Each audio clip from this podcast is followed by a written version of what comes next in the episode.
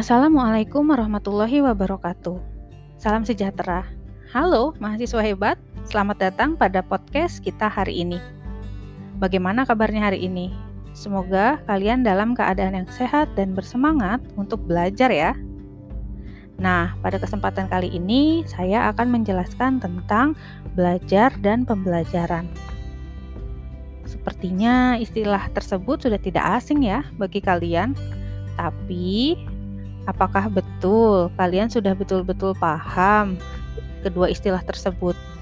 Atau jangan-jangan selama ini masih tertukar antara istilah belajar dan pembelajaran?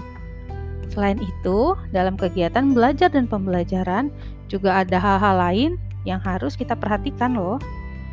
Sebelum kita melangkah jauh, kita cari tahu dulu yuk, apa sih pengertian dari belajar dan pembelajaran?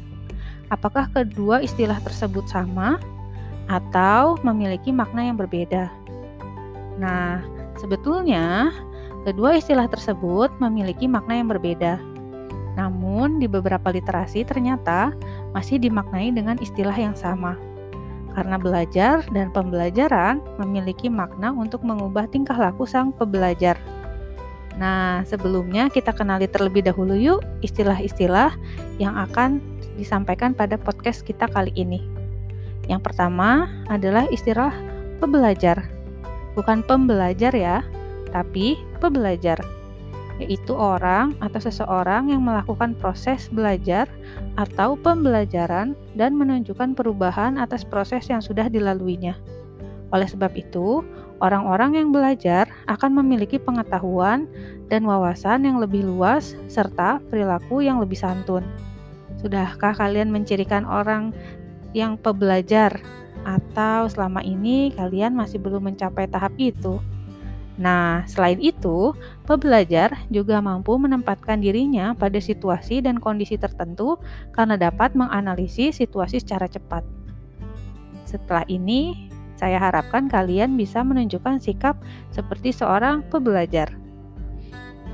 Kemudian, pada istilah belajar, menurut Sang merupakan perubahan tingkah laku yang terjadi secara bertahan lama dan adanya satu pengalaman.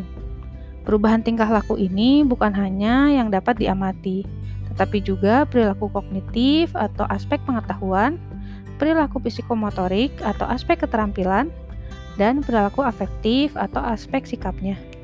Dinamika belajar siswa secara kognitif, psikomotorik, dan afektif dimulai dari tahap paling rendah hingga tahap tertinggi. Untuk aspek kognitif, dimulai dari tahap pengetahuan sampai tahap evaluasi.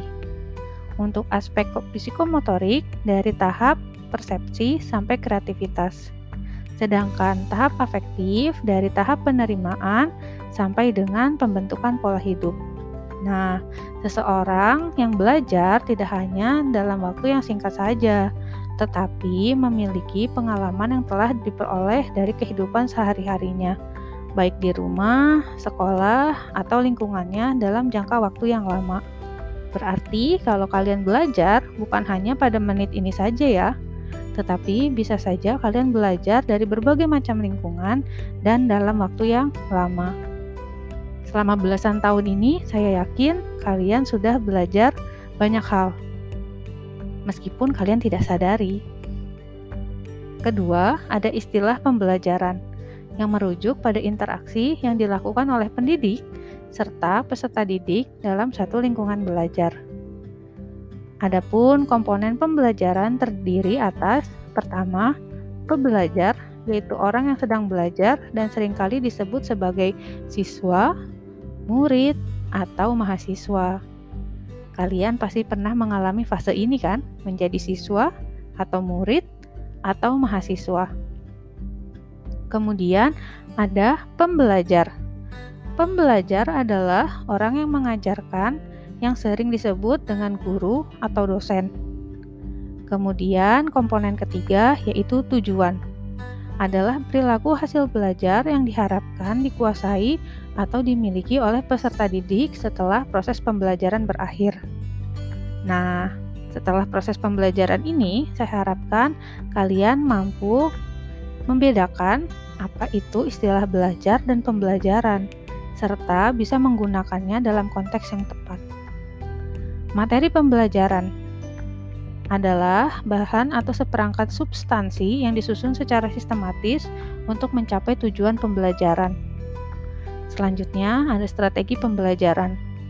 Adalah cara mencapai tujuan pembelajaran. Sama seperti yang saya lakukan, salah satu strateginya adalah membuat kalian mendengarkan. Keenam, ada media pembelajaran. Adalah segala hal yang dipakai penyampai pesan pembelajaran. Apa yang disampaikan? Tentu saja materi-materi pembelajaran. Ketujuh adalah evaluasi pembelajaran. Adalah proses pengukuran terhadap proses pembelajaran. Oleh sebab itu, kita punya tes, kita punya tugas, atau kita punya ujian. Karena hal tersebut untuk mengukur proses pembelajaran apakah sudah mencapai tujuannya atau belum. Sebetulnya, perbedaan mendasar dari kedua istilah tersebut terletak pada interaksi yang dilakukannya. Belajar dapat dilakukan oleh setiap orang, di mana pun, kapan pun, bahkan bisa dilakukan secara individu maupun kelompok. Sama halnya seperti yang tadi saya katakan, bahwa kalian sudah melakukan proses belajar dari kalian kecil sampai sekarang. Mau itu kalian sadari maupun tidak. Sedangkan pembelajaran membutuhkan tempat khusus, seperti sekolah, ruang kelas, atau tempat kursus, serta bantuan dari pembelajar atau bantuan dari guru, instruktur, atau tutor. Dan komponen-komponen yang mendukung keberhasilan kegiatan pembelajaran kalian. Sampai di sini kalian bisa paham ya apa perbedaan dari pembelajaran dan belajar. Serta jangan lagi tertukar istilah antara pembelajar dengan pembelajar. Karena Keempat istilah tersebut memiliki makna yang berbeda. Terdapat prinsip umum dari pembelajaran, yaitu pertama, bahwa belajar menghasilkan perubahan perilaku peserta didik yang relatif permanen.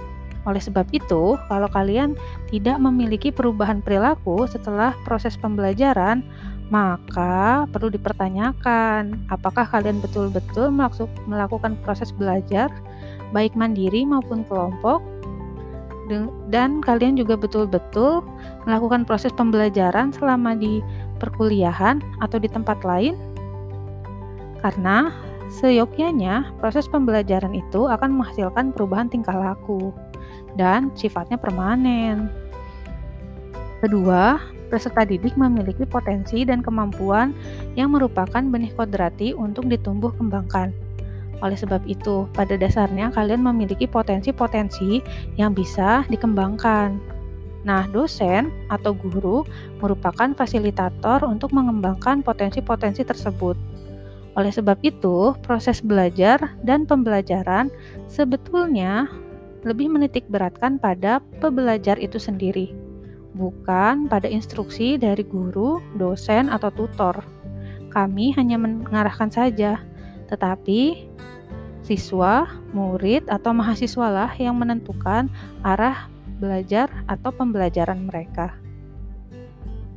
Ada baiknya, meskipun kalian sudah belajar di sekolah, atau di rumah, atau di tempat lain, atau di tempat kuliah, kalian juga bisa belajar secara mandiri tanpa didampingi, diawasi oleh tutor, dosen, atau instruktur, bahkan guru. Ketiga, yaitu perubahan atau pencapaian kualitas ideal itu tidak tumbuh alami, linear, sejalan dengan proses kehidupan. Nah, sampai di sini semoga dapat dipahami ya oleh mahasiswa hebat mengenai perbedaan istilah belajar dan pembelajaran.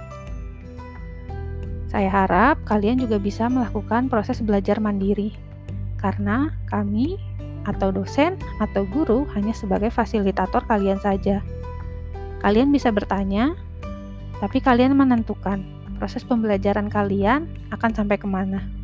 Atau proses belajar kalian secara mandiri ingin dilakukan sejauh apa. Setelah ini, jangan sampai lupa lagi ya antara kedua istilah tersebut. Nah, agar kalian lebih paham lagi istilah belajar dan pembelajaran, Coba kalian analisis apa perbedaan belajar dan pembelajaran disertai dengan contohnya. Dikerjakan di Microsoft Word tidak lebih dari 500 kata ya. Semoga apa yang saya sampaikan dapat bermanfaat untuk seluruh pendengar podcast ini, khususnya para mahasiswa-mahasiswa hebat. Sampai bertemu pada pertemuan selanjutnya.